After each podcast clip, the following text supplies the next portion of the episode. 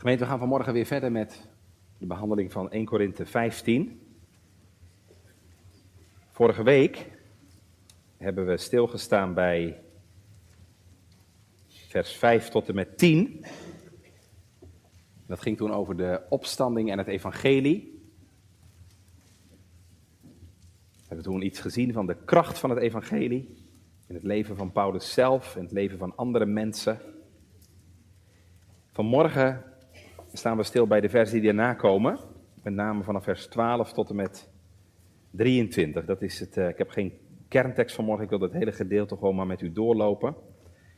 Vers 12 tot en met 23 van 1 Korinthe 15. Indien nu Christus gepredikt wordt, dat hij uit de doden opgewekt is, hoe zeggen sommigen onder u dat er geen opstanding der doden is? En indien er geen opstanding der doden is, zo is Christus ook niet opgewekt. En indien Christus niet opgewekt is, zo is dan onze prediking ijdel. En ijdel is ook uw geloof. En zo worden wij ook bevonden, valse getuigen van God. Want we hebben van God getuigd dat hij Christus opgewekt heeft, die hij niet heeft opgewekt. Zo namelijk de doden niet opgewekt worden. Want indien de doden niet opgewekt worden, zo is ook Christus niet opgewekt. En indien Christus niet opgewekt is, zo is uw geloof te vergeefs. Zo zijt gij nog in uw zonden. Zo zijn dan ook verloren die in Christus ontslapen zijn. En indien wij alleen in dit leven op Christus hopen, zo zijn wij de ellendigste van alle mensen. Maar nu, Christus is opgewekt uit de doden en is de eersteling geworden dergenen die ontslapen zijn. Want terwijl de dood door een mens is, zo is ook de opstanding der doden door een mens. Want gelijk zij allen in Adam sterven, alzo zullen zij ook in Christus allen levend gemaakt worden. Maar in ieder in zijn orde. De eersteling Christus, daarna die van Christus zijn in zijn toekomst.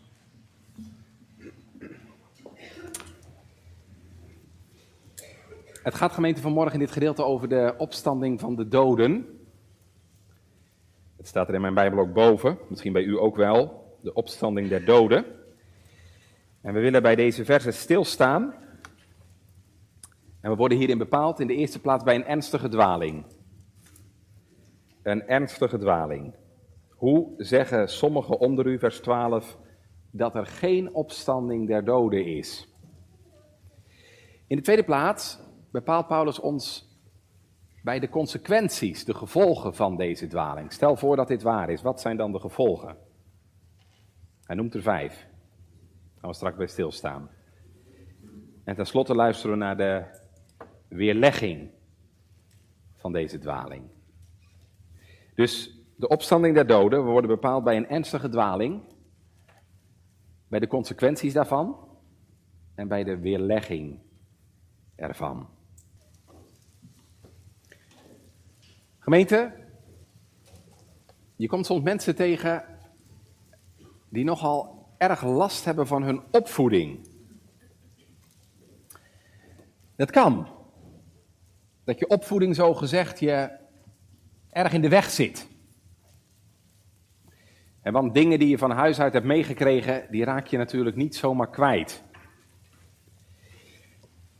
En zelfs als je later misschien tot de ontdekking komt dat er toch ja, wat anders zit dan het je vroeger geleerd is, kan je opvoeding je toch parten blijven spelen. Het voorbeeld van ouders en dingen die je geleerd hebt in je opvoeding of op school of in de kerk. Gemeente, dat zet een stempel op je leven. En vaak zijn dat mooie dingen, goede dingen, dingen waar je dankbaar voor mag zijn, die je niet graag zou willen verliezen. Maar soms, gemeente, kan die opvoeding je ook behoorlijk in de weg zitten. Daar kunnen psychologen en maatschappelijk werkers je het nodig over vertellen. Soms is het dus nodig dat je loskomt van bepaalde dingen die je van huis uit meegekregen hebt. Dat is moeilijk. Maar het moet soms wel. Maar gemeente, zelfs als het lukt, kun je er toch nog soms last van blijven houden. En dat is gemeente precies wat er gebeurde in Korinthe. U weet, de Heer had gewerkt daar, in de gemeente van Korinthe. Door de prediking van Paulus waren er mensen die het evangelie van de Heer Jezus hadden leren verstaan. Die de Heer Jezus hadden leren kennen door het geloof. Maar als je 1 Korinthe 15 leest, dan kom je er al snel achter dat er, ja, dat er een probleem is ontstaan in deze gemeente. Een dwaling. En dat is onze eerste gedachte waar we vanmorgen bij stilstaan. Onze tekstwoorden bepalen ons in de eerste plaats gemeente bij een ernstige dwaling. Er zijn in Korinthe namelijk mensen die niet geloven in de opstanding van de doden. Mensen dus die niet geloven dat je eenmaal met een nieuw lichaam zult worden opgewekt. Kijk maar wat Paulus zegt in vers 12. Um, hoe zeggen sommigen onder u dat er geen opstanding der doden is? Laten we eerst even gemeente proberen om helder te krijgen wat deze mensen geloven. Of ik kan beter zeggen wat ze niet geloven. Wat ze wel geloven, is dat de Heer Jezus met Pasen is opgestaan. Dat wel. In de verse hiervoor hebben we kunnen zien wat Paulus hen verkondigd en gepredikt heeft. u kunt dat lezen in vers 3 en 4. Daar zegt Paulus, ik heb jullie overgegeven, ik heb jullie geleerd dat Christus gestorven is voor onze zonde, dat hij begraven is en dat hij is opgewekt. En dat geloofden ze ook, de christenen in Korinthe. Kijk maar even naar vers 11. Um, Alzo prediken wij, zegt Paulus, en alzo hebt u geloofd. Dus ze geloofden in de opstanding van de Heer Jezus. Maar gemeente, wat zij niet geloofden, was dat ze zelf ook een keer zouden opstaan. En dan vraagt u zich misschien af, dominee, hoe komt dat dan? Ja, dat heeft dus te maken, gemeente, met hun opvoeding, waar ik het net over had. Ik zei net, hè, je opvoeding kan je soms danig in de weg zitten. Ik, ik zal even uitleggen wat ik bedoel. In de Grieks-Romeinse cultuur van die dagen, de eerste eeuw, de dagen van Paulus, hadden de mensen globaal genomen twee ideeën, twee gedachten over wat er met je gebeurt als je sterft. Er waren mensen die dachten, als je sterft is het over en uit. Als je sterft is het helemaal voorbij. Als je sterft, dan is het ook met je ziel over en uit. We zouden vandaag zeggen, dat zijn de mensen van dood is dood. Dat is wat de meeste mensen in de oudheid dachten. Dood is dood. op grafstenen uit die tijd staan vaak twee woorden. In het Latijn natuurlijk, want dat was de taal van die dagen. Non sum. Non sum. Ik ben niet. Ik ben niet meer. Ik besta niet meer. Ik ben er niet meer. Non sum. Maar er was ook een tweede opvatting. Waren ook mensen die dachten, als je sterft, blijft in elk geval je ziel bestaan. dus je lichaam sterft, gaat dood, maar je ziel blijft. de Grieken geloofden de mens bestaat uit ziel en lichaam. Alleen, je ziel werd veel hoger aangeslagen dan je lichaam. In de Griekse cultuur, Korinthe, werd je lichaam niet zo hoog aangeslagen. want je lichaam, ja, dat is tenslotte maar aards, dat is vergankelijk, dat vergaat een keer. Nou, als je met die gedachte bent opgegroeid, dan begrijpt u wel, dan kun je begrijpen dat mensen de vraag stellen, ja, maar waar is die opstanding van je lichaam nou eigenlijk voor nodig? Die mensen in Korinthe vonden dat eigenlijk helemaal niet nodig. Die zagen er helemaal het nut niet van in. Want als je sterft, ja, dan is je ziel eindelijk verlost uit je lichaam. Dan moet je dan straks nog een keer terug naar je lichaam of zo. En zij dachten, het is net als met een slang die zijn oude huid kwijtraakt. Zo gaat het ook met een christen als die sterft. Je raakt weliswaar je lichaam kwijt, maar dat geeft helemaal niet. Want het gaat om je ziel. Nou, dan zullen we zien vanmorgen, gemeente, daar is Paulus dus helemaal niet mee eens. Daar is hij het fundamenteel mee oneens. Want de Bijbel laat ons zien, je ziel en je lichaam horen bij elkaar. God heeft ze allebei gemaakt. Ziel en lichaam. En het is trouwens ook een hele gevaarlijke gedachte, hè? Eh, want als je zo gaat denken dat je lichaam er eigenlijk niet toe doet, dan kom je al snel op de gedachte uit, nou ja, dat het ook eigenlijk niet uitmaakt wat je met je lichaam doet. En dat is ook precies wat er in Korinthe gebeurde, hè? want er waren gemeenteleden die het heel normaal vonden om gewoon naar een prostituee te gaan. Had alles te maken met die onderwaardering van het lichaam. Maar de Bijbel zegt, God heeft ons gemaakt ziel en lichaam. En een christen mag zeggen met zondag 1 van de catechisme dat Christus mij met lichaam en ziel gekocht heeft. Christus heeft zijn kinderen gekocht met lichaam en ziel. En daarom zal God ze straks ook weer met elkaar verenigen. Dus onthoud dat gemeente, je lichaam is niet zondig. Je kunt natuurlijk wel zondige dingen doen met je lichaam. En dat doen we helaas maar al te vaak. Je kunt zondige dingen doen met je lichaam. Stelen, liegen, overspel plegen. Maar uw lichaam op zich is niet zondig. Is door God geschapen heeft God van gezegd. En het was goed. Kijk, als je een hamer hebt, kun je hem natuurlijk gebruiken om in te breken bij de juwelier. Maar je kunt diezelfde hamer ook gebruiken om er iets moois mee te maken. Die hamer is niet verkeerd, ook al pleeg je er een inbraak mee. En zo is het met ons lichaam ook. Dat hoef je niet te verachten. Ons lichaam is door God geschapen. Deze wereld is door God geschapen. En God schrijft dat niet zomaar af. Natuurlijk, hè, ons leven is ontzettend aangetast door de zonde. En deze wereld ook. En daar moeten we ook van verlost worden. Maar gemeente, wij moeten niet verlost worden van ons lichaam. Wij moeten verlost worden van onze zonde. En daarom zegt de Bijbel dus dat ook het lichaam van Gods kinderen toekomst heeft. lichaam zal straks opstaan. Helemaal gereinigd van alle zonden die nu nog je leven bevlekken en besmetten. Dus, ja, wat die mensen in Korinthe dachten, dat was niet goed, dat was niet bijbels. Hun Griekse opvoeding, zo gezegd, zat hen danig in de weg. En daarom gaat Paulus hen laten zien in dit gedeelte dat dat niet kan.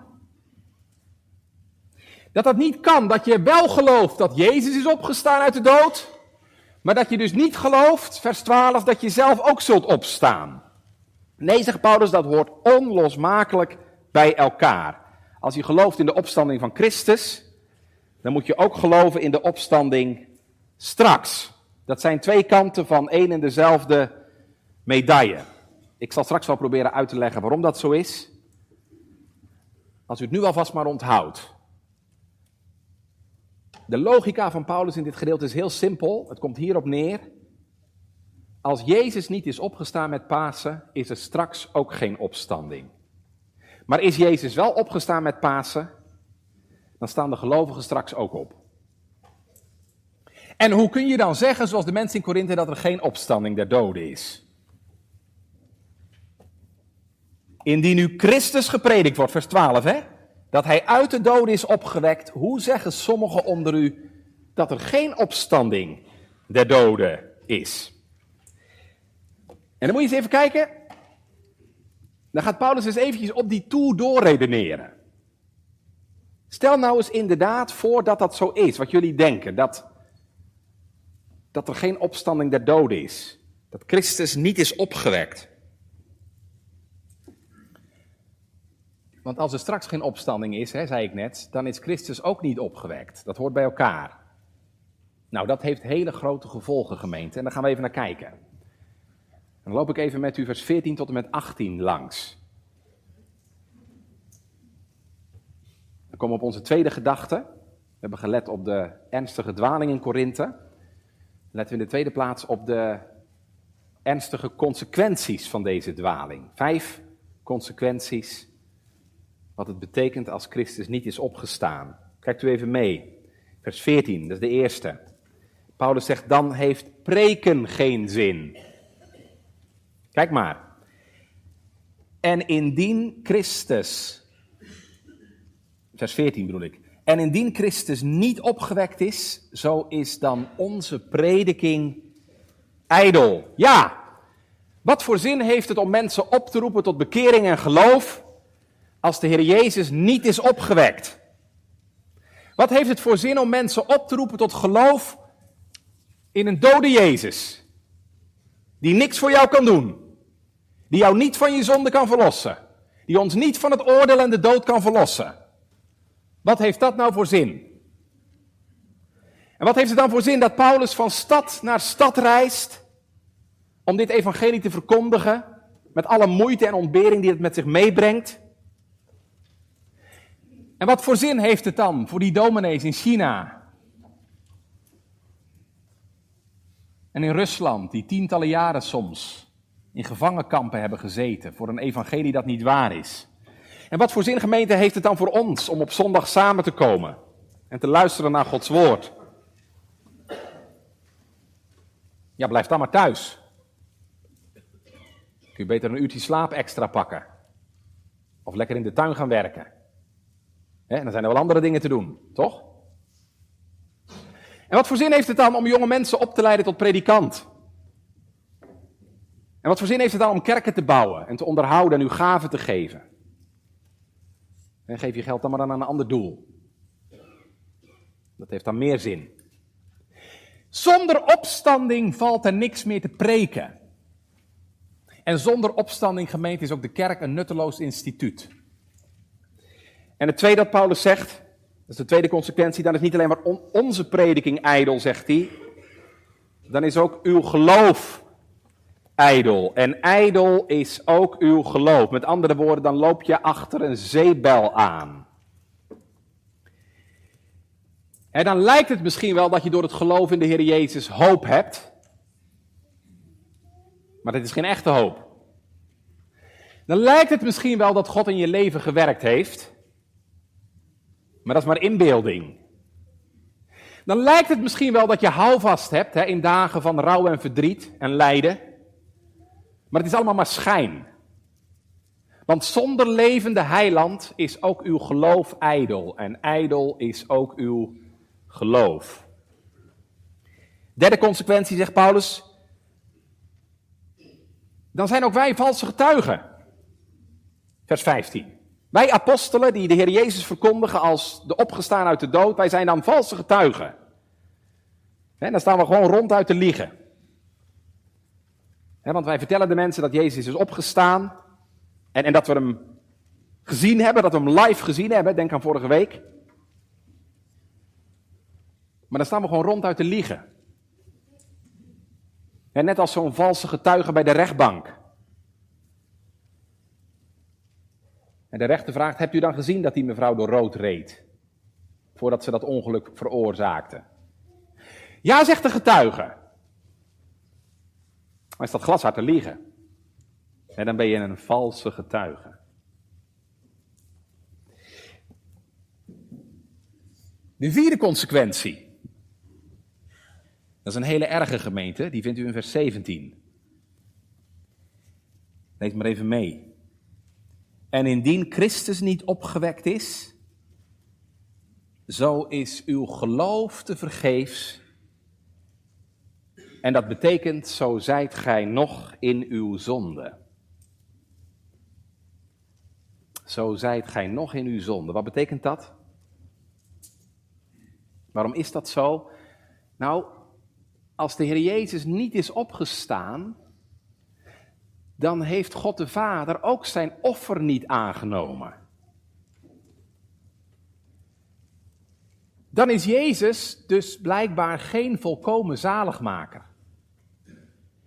En u snapt, als de Vader het werk van Jezus niet heeft aanvaard, ja, dan is er ook niet betaald voor de zonde. dan is de straf niet weggedragen. Zie je gemeente dat de opstanding zo ontzettend belangrijk is? Want ik heb al eerder u gezegd, hè, de opstanding is het levende bewijs dat het offer van Jezus is aanvaard door de Vader. En als Jezus niet is opgewekt, dan betekent dat dus dat de Vader zijn volbrachte werk niet heeft aanvaard. Dan bent u dus nog in uw zonde.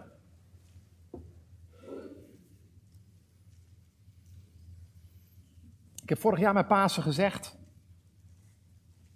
Dan heb ik het beeld gebruikt van een brug. Hè? Als je een brug hebt, zo'n zo oude brug met, met van die grote tandwielen. En alle tandwielen zouden het doen, behalve de laatste. Ja, dan werkt de brug ook niet. Dat laatste tandwiel is cruciaal. En zo is het met de opstanding ook. Ook al zou Jezus gestorven zijn hè, op Goede Vrijdag en, en het offer hebben gebracht. Pas als hij is opgestaan, de laatste schakel, pas dan kan de brug werken. Pas dan kan de brug naar ons toekomen en kan God vrede met ons sluiten. Zonder opstanding bent u nog in uw zonde. Wat zou dat vreselijk zijn, gemeente? Want dat betekent, hè, dan, dan staan al je zonden nog tussen jou en de Here in. Dan hebt u geen vrede met God. Dan zijn je zonden niet bedekt door de gerechtigheid van Christus. Weet je wat dat betekent, gemeente? Dat zou betekenen, dan sta je zelf verantwoordelijk voor je zonde en schuld. Dan ben je zelf verantwoordelijk voor je zonde. En dat betekent dat God vertorend op je is. Dat betekent dat je straks de Heer zult ontmoeten als je rechter. En dat betekent dat God ons moet veroordelen, want Hij is heilig en kan met de minste zonde geen gemeenschap hebben. Dat betekent dat je tot in eeuwigheid niet in de gemeenschap van God kunt komen. Dat betekent gemeente dat je straks verloren bent. Dat betekent gemeente dat je straks eeuwig in de hel bent waar de knagende worm van je geweten niet zwijgt en het vuur van Gods ongenoegen nooit uit zal gaan. Dat betekent het, dat staat er op het spel. Als Jezus niet is opgestaan, dan zijn wij voor eeuwig gebonden in de macht van de zonde. Zo zijt gij nog in uw zonde. Dat is de vierde vreselijke consequentie. En dan de laatste, die vindt u in vers 18 zo zijn dan ook verloren die in Christus ontslapen zijn. Paulus zegt, als Christus niet is opgewekt, dan ben je ook tot in eeuwigheid gebonden in de macht van de dood. Dan is er dus geen hoop over de dood heen. Zo zijn dan verloren die in Christus ontslapen zijn. En je ziet het wel eens staan hè, op een grafsteen of in een rouwadvertentie. In Christus ontslapen. Hè, dat betekent dat iemand gestorven is. Althans, dat hopen we dan natuurlijk. Je kunt, letters kun je makkelijk opschrijven maar dat hopen we dan natuurlijk. Hè, dat iemand gestorven is in, in het volledige vertrouwen op het volbrachte werk van de Heer Jezus. Iemand gestorven in de volkomen overgave aan de Heer Jezus Christus. En dat je zo dus bij de Heer mag komen. Dan ben je in Christus ontslapen. Maar ja, als Christus een dode is, hoe kun je dan in Christus ontslapen? Dan is er dus geen hoop. Dan is er geen hoop over de dood heen dan is de dood nog steeds de sterkste. In de middeleeuwen leefde er in Italië, u hebt zijn naam misschien wel eens gehoord, leefde er in Italië een bekende dichter, Dante, die een uh, heel bekend boek geschreven heeft, De Divina Commedia. En in dat boek maakt Dante een ja, soort reis door de onderwereld. De hemel, en dan komt hij uiteindelijk gemeente ook bij de hel. En boven de ingang van de hel staat een opschrift. Daar staat geschreven: Laat hier uw hoop maar varen. Laat hier uw hoop maar varen. Ja, dat zou waar zijn, gemeente, als Christus niet is opgestaan. Dan is er geen hoop. Dan is de dood een doolhof waar je nooit meer uitkomt. Ziet u gemeente dus wat het betekent als die Corinthiërs gelijk zouden hebben en Christus is niet opgestaan? Weet je wat dat betekent? Paulus zegt in vers 19, dan ben je ellendig. Kijk maar. Indien we alleenlijk in dit leven op Christus zijn hopende, zo zijn wij de ellendigste van de mensen. Ellendig, dat betekent dan ben je beklagenswaardig. En je ontmoet soms wel eens mensen die last hebben van waandenkbeelden. Dat is heel erg als je daar last van hebt. Waandenkbeelden. Daar kun je niks aan doen meestal. Maar dat kan je leven wel enorm beheersen. En dan, dan, dan denk je dingen en dan zie je dingen die er eigenlijk helemaal niet zijn. Nou gemeente, als Christus niet is opgestaan, dan is, dan is geloof een waandenkbeeld. want je, je denkt en je hoopt en je gelooft allemaal dingen waar je geen enkele grond voor hebt. Dan ben je te beklagen, dan ben je de ellendigste van de mensen, zegt Paulus. Je loopt achter een waandenkbeeld aan. U zit hier vanmorgen dan voor niks in de kerk. Waarom zou je bidden? Waarom zou je je Bijbel lezen? Waarom zou je naar de kerk gaan? Waarom zou je net als Paulus allerlei moeite en ontberingen lijden? Waarom zou je, zoals die mensen in Noord-Korea, in een kamp jarenlang zitten vanwege een waandenkbeeld? Waarom zou je strijden tegen de zonde en de verleidingen die op je afkomen? Als het toch allemaal voor niks is. ja, leef dan maar gewoon je leven en, en doe waar je zin in hebt. Toch? Zo staat het ook in vers 32, hè? Doe dan maar wat er in vers 32 staat. Laat ons eten en drinken, want morgen sterven wij. Zo dachten veel mensen in Paulus' dagen. Ik heb het net verteld, dat de meeste mensen geloofden dood is dood. Dus ja, maak er dan maar het beste van. Hè? Laat ons eten en drinken, want morgen gaan we dood. Bijbel is best wel actueel trouwens, hè? Want zo denken vandaag in de 21ste eeuw heel veel mensen nog precies zo. Hè, het leven is onzeker. Je weet niet wat er komt. Dood is dood. YOLO. You only live once. Je leeft maar één keer. Laat ons eten en drinken, want morgen sterven we. Ja, zo zou het zijn, gemeente, als Christus niet was opgestaan. Als. Maar ik mag gelukkig zeggen, zo is het niet. Alles wat ik net heb gezegd, gemeente, die vijf dingen, die zijn niet waar. God zij dank. Want Christus is opgestaan. Kijk maar, vers 20. Maar nu. En dat klinkt gemeente als een bazuinstoot, als een triomfkreet. Maar nu, dat zijn woorden die Paulus in zijn brieven alleen maar gebruikt als hij iets heel belangrijks gaat vertellen. Maar nu, nu moet je goed opletten. Maar nu, Christus is opgewekt uit de doden. Het is gelukkig niet waar wat ik allemaal net heb gezegd. Christus is opgewekt. En dat is onze derde gedachtegemeente. En dan gaan we tenslotte nog letten op Paulus' weerlegging van deze dwaling. We hebben gekeken naar een ernstige dwaling, naar de vreselijke consequenties daarvan.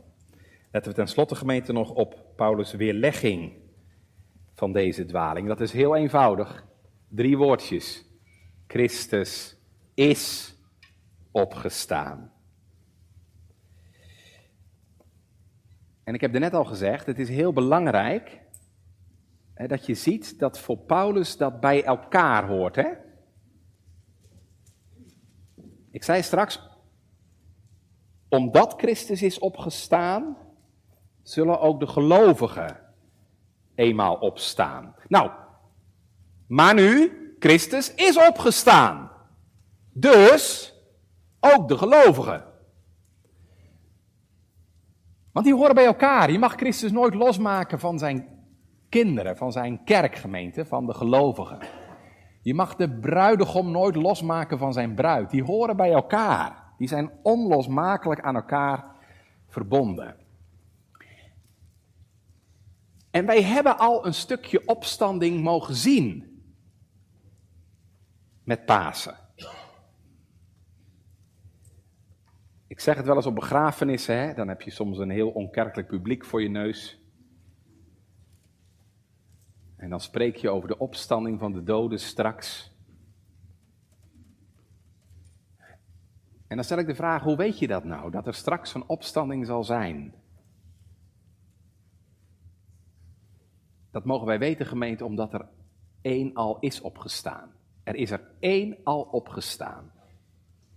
En omdat hij is opgestaan, zul jij ook opstaan. De wereld lacht er vaak om dat er een opstanding zal zijn. Maar wij hebben hele goede gronden om dat vast te geloven. Want er is er immers al één opgestaan. Dat is de Heer Jezus. En dan moet je eens opletten, Paulus zegt hier twee dingen over de Heer Jezus. Twee dingen. In de eerste plaats, kijkt u even mee, vers 20. Maar nu Christus is opgewekt uit de doden en, daar komt het, is de eersteling geworden van degenen die ontslapen zijn. Dat is het eerste woord waar ik even een streep onder wil zetten. Christus is de eersteling. U kent dat begrip denk ik wel. En als je het niet kent, zal ik het even uitleggen. Wat was de eersteling? Nou, dat was in Israël gemeente het allereerste stukje van de oogst. En jongens en meisjes, in het voorjaar, als het graan weer ging groeien, dan werd dat allereerste graan van het land gehaald. En dat was dan voor de heren. Dat was een cadeau, een geschenk voor de heren. daar maakte hij een schoof van. En dat werd dan naar de tabernakel gebracht, naar de tempel, naar het huis van de heren. Maar was dat nou de hele oogst? Nee, natuurlijk niet. Het was het begin, de eersteling. Maar je wist, er komt natuurlijk nog veel meer, er gaat nog veel meer groeien op het land. Die eersteling, hè, die hield als het ware de belofte in, er komt nog veel meer achteraan. Snapt u nou wat Paulus bedoelt als hij hier zegt dat Christus de eersteling is? Dat betekent gemeente heel eenvoudig, dit is nog maar het begin. Dit is nog maar het begin. De grote oogst komt nog. En de opstanding van de Heer Jezus is als het ware de belofte en de garantie dat er straks nog een hele grote oogst zal komen. Straks, als de Heer Jezus terugkomt, jongens en meisjes, en de opstanding vindt plaats, dan staan de lichamen van al Gods kinderen, ja, net als schoven op de akker. Dat is het eerste beeld. De eersteling. En dan gebruikt Paulus gemeente nog een tweede beeld. En dan ga ik even met u naar vers 21. Dat is het beeld van de Heer Jezus als de tweede Adam. Kijk maar. Want zegt hij in vers 21, terwijl de dood door een mens is, let op, mens met een kleine letter, zo is ook de opstanding der doden door een mens. Met een grote letter. Nou, u kunt natuurlijk al wel raden wie dat zijn. Hè, want het een staat met een kleine letter en het ander staat met een hoofdletter. Dus dat is niet moeilijk meer. Die ene mens, door wie de dood is gekomen, dat is natuurlijk Adam. In het paradijs, jongens en meisjes. Adam at samen met Eva van de appel, of wat het ook is geweest. En hij moest sterven, dat weet je. En die andere mens met een hoofdletter, dat is natuurlijk de Heer Jezus. En die hebben allebei wat gedaan. De eerste mens zorgde voor de dood.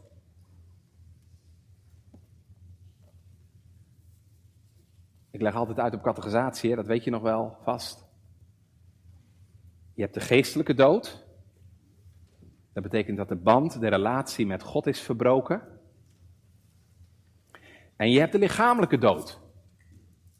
We moeten allemaal een keer sterven. Dat was de straf die God toegezegd had op de zonde. De geestelijke dood en de lichamelijke dood. Dat is zeg maar de erfenis van Adam. En daar hebben wij allemaal gemeente mee te maken. Kijk maar, hè, vers 22. Daar zegt hij, want gelijk zij allen in Adam of door Adam sterven. Wij hebben dus allemaal met die zonde van Adam te maken. want voor God gemeente is de mensheid een eenheid. Dat weet u. En dat betekent wat Adam deed, dat raakt ons allemaal. als er iets met de wortel gebeurt, dan raakt dat uiteindelijk de hele boom. En als er gif in de wortel komt, dan wordt uiteindelijk de hele boom ziek. De oorsprong van de dood ligt bij Adam in het paradijs, in de zondeval. Door één mens is de zonde in de wereld gekomen. De evolutietheorie zegt dat de dood er altijd is geweest. Dat de dood min of meer bij het leven hoort. Maar de Bijbel zegt echt wat anders. De Bijbel zegt de dood is er gekomen door één mens, door de zonde van één mens. Dat is de erfenis van Adam. En daardoor kom jij en ik met een zondige natuur ter wereld. Daardoor zondigen we elke dag en daardoor verdienen we voor God allemaal de dood. Maar daar zet Paulus nu, gemeente, de Heer Jezus tegenover. De dood is door één mens, zegt hij, in vers 22. Maar ook de opstanding van de doden is door één mens. Adam zorgde voor de dood, Christus zorgt voor het leven. Want gelijk zij allen in Adam sterven, zo zullen ze ook in Christus allen levend gemaakt worden. Dus Adam is de bron van de dood en Christus is de bron van het leven. Ja, zegt iemand nou, maar dominee, betekent dat dan dat alle mensen gered worden, dat alle mensen behouden worden? Je hebt mensen die deze tekst namelijk zo lezen, vers 22. En die zeggen, zie je wel, alle mensen worden uiteindelijk behouden. En we noemen dat de leer van de alverzoening. Alle mensen worden uiteindelijk behouden. En op het eerste gezicht lijkt dat er ook te staan, hè? Net zoals we allemaal in Adam sterven, zo zullen we ook allemaal in Christus levend gemaakt worden. Maar gemeente, dat bedoelt Paulus niet. Je moet zo'n tekst natuurlijk wel ook in zijn context lezen, ook in het licht van de andere brieven van Paulus. En dan zegt Paulus in Romeinen 10 zo duidelijk, en ieder die de naam des Heren zal aanroepen, die zal zalig worden. En wij worden alleen behouden als we in onze zondenood de naam van de Heer leren aanroepen. En op Hem ons betrouwen en hoop leren vestigen. Wat Paulus bedoelt met deze woorden in vers 22 is heel eenvoudig. Hij zegt iedereen die bij Adam hoort, die sterft. Die heeft deel aan de dood. En iedereen die bij Christus hoort, die zal leven. En wie horen er bij Christus? Dat is iedereen die in Hem gelooft. Die door het geloof aan Hem verbonden is. Ja, ik heb wel eens gezegd, gemeente, eigenlijk zijn er maar twee mensen belangrijk hè, in de wereldgeschiedenis.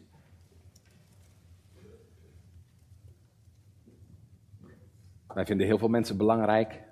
Voetballers, popsterren, koningen en koninginnen, machthebbers en presidenten. Maar volgens de Bijbel zijn er maar twee mensen belangrijk.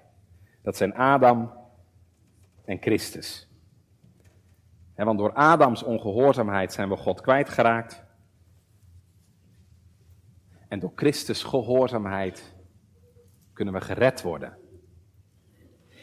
En het grote wonder is, gemeente, als je nou bij Christus mag horen, hè, dan ben je gered. Dan zul je leven. En gemeente, dat is helemaal buiten ons omgegaan, hè? Daar hebben wij niks aan bijgedragen. Wij hebben niks aan die verlossing bijgedragen. Het evangelie, en ik kan dat niet genoeg zeggen gemeente, het evangelie gaat alleen maar om Christus, om wat Hij gedaan heeft. Paulus heeft dat gezegd in vers 3 en 4. Hij is gestorven voor de zonde, Hij is begraven en Hij is opgestaan. En daar ligt de basis, het fundament van de verlossing. Daar hebben u en ik niks aan bijgedragen, daar kunnen we niks aan bijdragen en daar hoeven we God zij dank ook niks aan bij te dragen. Christus heeft de zonde gedragen. En nu is er door Hem vergeving van je zonde mogelijk. Nu is er door Hem genade. Nu is er door Hem eeuwig leven. En nu is er door Hem opstanding mogelijk. Maar, zegt Paulus er dan bij, in vers 23, wel in de goede volgorde. Ziet u dat? Een ieder in zijn orde. Dat woordje orde, dat heeft waarschijnlijk een militaire achtergrond. Uh, de generaal loopt voorop. En dan komt de rest van het leger. Dat is beeld wat hier gebruikt wordt. Militair woord. Ieder in zijn orde. Christus gaat voorop, de generaal. Hij is de eersteling. En dan komen de anderen. Eerst Christus, de eersteling, dan die van Christus zijn. Dat zal straks gebeuren bij de wederkomst. Hij is al opgestaan en de rest van de oogst komt nog. Ja, zeg je, wat betekent het nu voor ons, dominee? Ten slotte.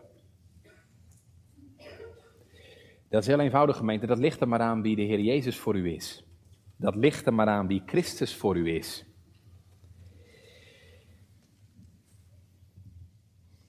Als u de Heer Jezus nog niet kent,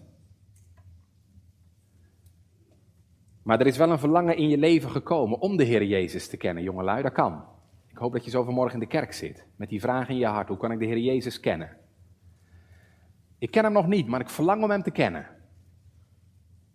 Dan mag ik u zeggen, gemeente, Pasen betekent in Christus is een volkomen zaligheid. Dat mogen wij weten, heb ik net gezegd, omdat hij is opgestaan. Hè? De Heer Jezus is een volkomen zaligmaker. En van wie de Vader heeft gezegd, mijn zoon, ik ben tevreden met u. Ik ben tevreden met uw werk. Nou is de vraag aan u en jou, ben jij er ook tevreden mee? Bent u er ook tevreden mee? Want lieve gemeente, je vindt het niet bij jezelf. Ja, je vindt bij jezelf van alles. Maar niks wat voor de Heer kan bestaan. Je vindt bij jezelf niks wat voor God kan bestaan. Je vindt bij jezelf wel een hoop waar je verdrietig van kunt worden. Je zonde, je schuld, je verleden, je onreinheid, je vleeselijkheid. En weet je, juist als je de Heer gaat zoeken, gemeente, kan je dat zo ontzettend in de weg staan. Als de Heilige Geest je overtuigt van je zonde en je daar iets van laat zien, kan je dat zo in de weg staan. Maar gemeente, je vindt het niet bij jezelf. U kunt alleen maar zalig worden als u helemaal van uzelf leert afkijken en alleen op Christus leert zien. Want Hij heeft het gedaan. Hij is die tweede Adam die wel gehoorzaam was. Die de straf volkomen heeft gedragen. Wij konden het niet meer goed maken, toen niet, en nu niet, en nooit niet. Want wij zijn dood in zonden en misdaden. Maar de verlossing, zei ik net, is helemaal buiten ons omgegaan. Dat heeft Hij gedaan. En dan heeft de Vader hem met Pasen opgewekt om aan ons te laten zien dat Christus een volkomen zaligmaker is. En dat is zo goed nieuws, heb ik vorige week gezegd, gemeente, want omdat Hij leeft, kan Hij je opwekken. Kan Hij ons opwekken uit onze geestelijke dood. En daarom vind je het leven alleen maar bij Hem. Ik ben de opstanding en het leven. Wie in mij gelooft, zal leven. En door het geloof, hè, wordt die zaligmaker nou ook van jou, jongelui. Want dan word je ja, door dat geloof aan de Heer Jezus verbonden. Dan word je een rank aan de wijnstok. En dan wordt alles wat de Heer Jezus heeft gedaan, dat wordt ook van jou. Dan wordt zijn genade en zijn gerechtigheid uw wettig eigendom. Dan mag je leven door het geloof in Hem. Ik leef, zegt de Heer Jezus, en gij zult leven. En gemeente, dat geloof dat is noodzakelijk. Ik zeg het nu misschien een beetje scherp, maar ik zeg het wel. Als u niet gelooft, dan gaat u niet verloren. Maar dan bent u het al. Ja, want dan lig je nog in je geestelijke dood. Dan lig je nog in de macht van zonde en misdaden. Dat is elke dag in je leven te merken. Dat de zonde het in je leven voor het zeggen heeft. Dan ben je dood, want je bent niet aangesloten op de fontein van het leven. Ik had het straks over de zonde. Een christen mag weten, omdat Christus is opgestaan, ben ik niet meer in de zonde. Maar andersom is dat natuurlijk ook zo. Zonder Christus ben je nog wel in je zonde. Zonder geloof in Hem bent u nog in uw zonde. En hebt u geen hoop. Maar nu, en daar eindig ik mee. Maar nu, Christus is opgestaan. En daarom mag ik u oproepen, als u het nog niet deed. Ontwaakt gij die slaapt. En sta op uit de dood. En Christus zal over u lichten. En als u dat nou mag doen, hè? Opstaan uit de dood, opstaan uit de zonde. En dat licht van de Heer Jezus gaat schijnen in je hart en leven. Gemeente, dan heb je hoop. Dan mag je leven met hoop. Natuurlijk heb je net zo goed te maken met zorgen en moeite en teleurstelling en verdriet als andere mensen. En toch, met die hoop van het geloof, mag je daar anders naar kijken. Want dan mag je weten, Christus is al opgestaan en ik zal eenmaal ook opstaan. En dan begint nu al gemeente die levende kracht van Christus in je leven te werken. Daar merk je nu al iets van. Dat je mag opstaan uit de zonde. En dan wordt het ook je verlangen om in nieuwheid van leven te wandelen. En ik weet het, dat is nu nog maar een begin. Maar straks mag je met een nieuw lichaam, zonder zonde, zonder beperkingen, de Here dienen. Dus die bril van Pasen gemeente, die geeft hoop. En weet je, dat kan de wereld je niet geven. Er is één ding wat de wereld je nooit geven kan en dat is hoop. Ze kunnen misschien alles voor elkaar hebben. Eén huis, twee huizen, drie auto's, vier keer per jaar op vakantie. Maar wat de wereld je niet kan geven, gemeente, is hoop. En daarom leven ook zoveel mensen vandaag met angst. Met angst. Ja, voor de dood. Weet je wat ik tegenkwam op internet? Ik kwam op internet op een forum een uh, berichtje tegen van een mevrouw. Die eerlijk iets vertelde over haar angst. Ik lees het zomaar even voor. Ze zegt, ik ben ook echt bang voor de dood. Al zolang ik me kan herinneren. Klinkt misschien een beetje gek, maar dagelijks denk ik aan de dood. Ik krijg er benauwd van. Paniekerig gevoel. Voor mijn gevoel is er niks. En juist dat maakt me bang. Hoor je het? Voor mijn gevoel is er niks. En juist dat maakt me bang. Dat grote, gapende, donkere, zwarte gat dat straks komt. Ze weet niet wat er komt. Wij weten toch beter vanmorgen. Maar nu, Christus is opgestaan. En dat betekent, gemeente, ik heb hier niet voor niks gestaan, deze zeven jaar. Preken is niet zinloos. Het heeft gewerkt in het leven van sommigen van u. Dat heb ik mogen horen. En dat betekent ook gemeente, geloven is niet zinloos. Want hij leeft en hij werkt in mensenharten. En dat betekent ook, je bent niet verloren als je sterft. Want Christus heeft voor mijn zonde betaald en de dood overwonnen. En daarom mag je nu al leven uit de hoop. Dus zo'n poster van Pasen, je hebt hem misschien wel eens gezien. Er staat op, als God God is, is de dood dood. Nou, dat is ook zo. Als God God is, is de dood dood. Dat is nu nog een zaak van geloof. want ogenschijnlijk lijkt de dood oppermachtig. Maar wij weten, er is er één uit de macht van de dood gekomen. En zijn macht breekt de gevangenis van de dood open. En als je dat ergens mooi kunt zien, dan moet u eens gaan kijken in Watford.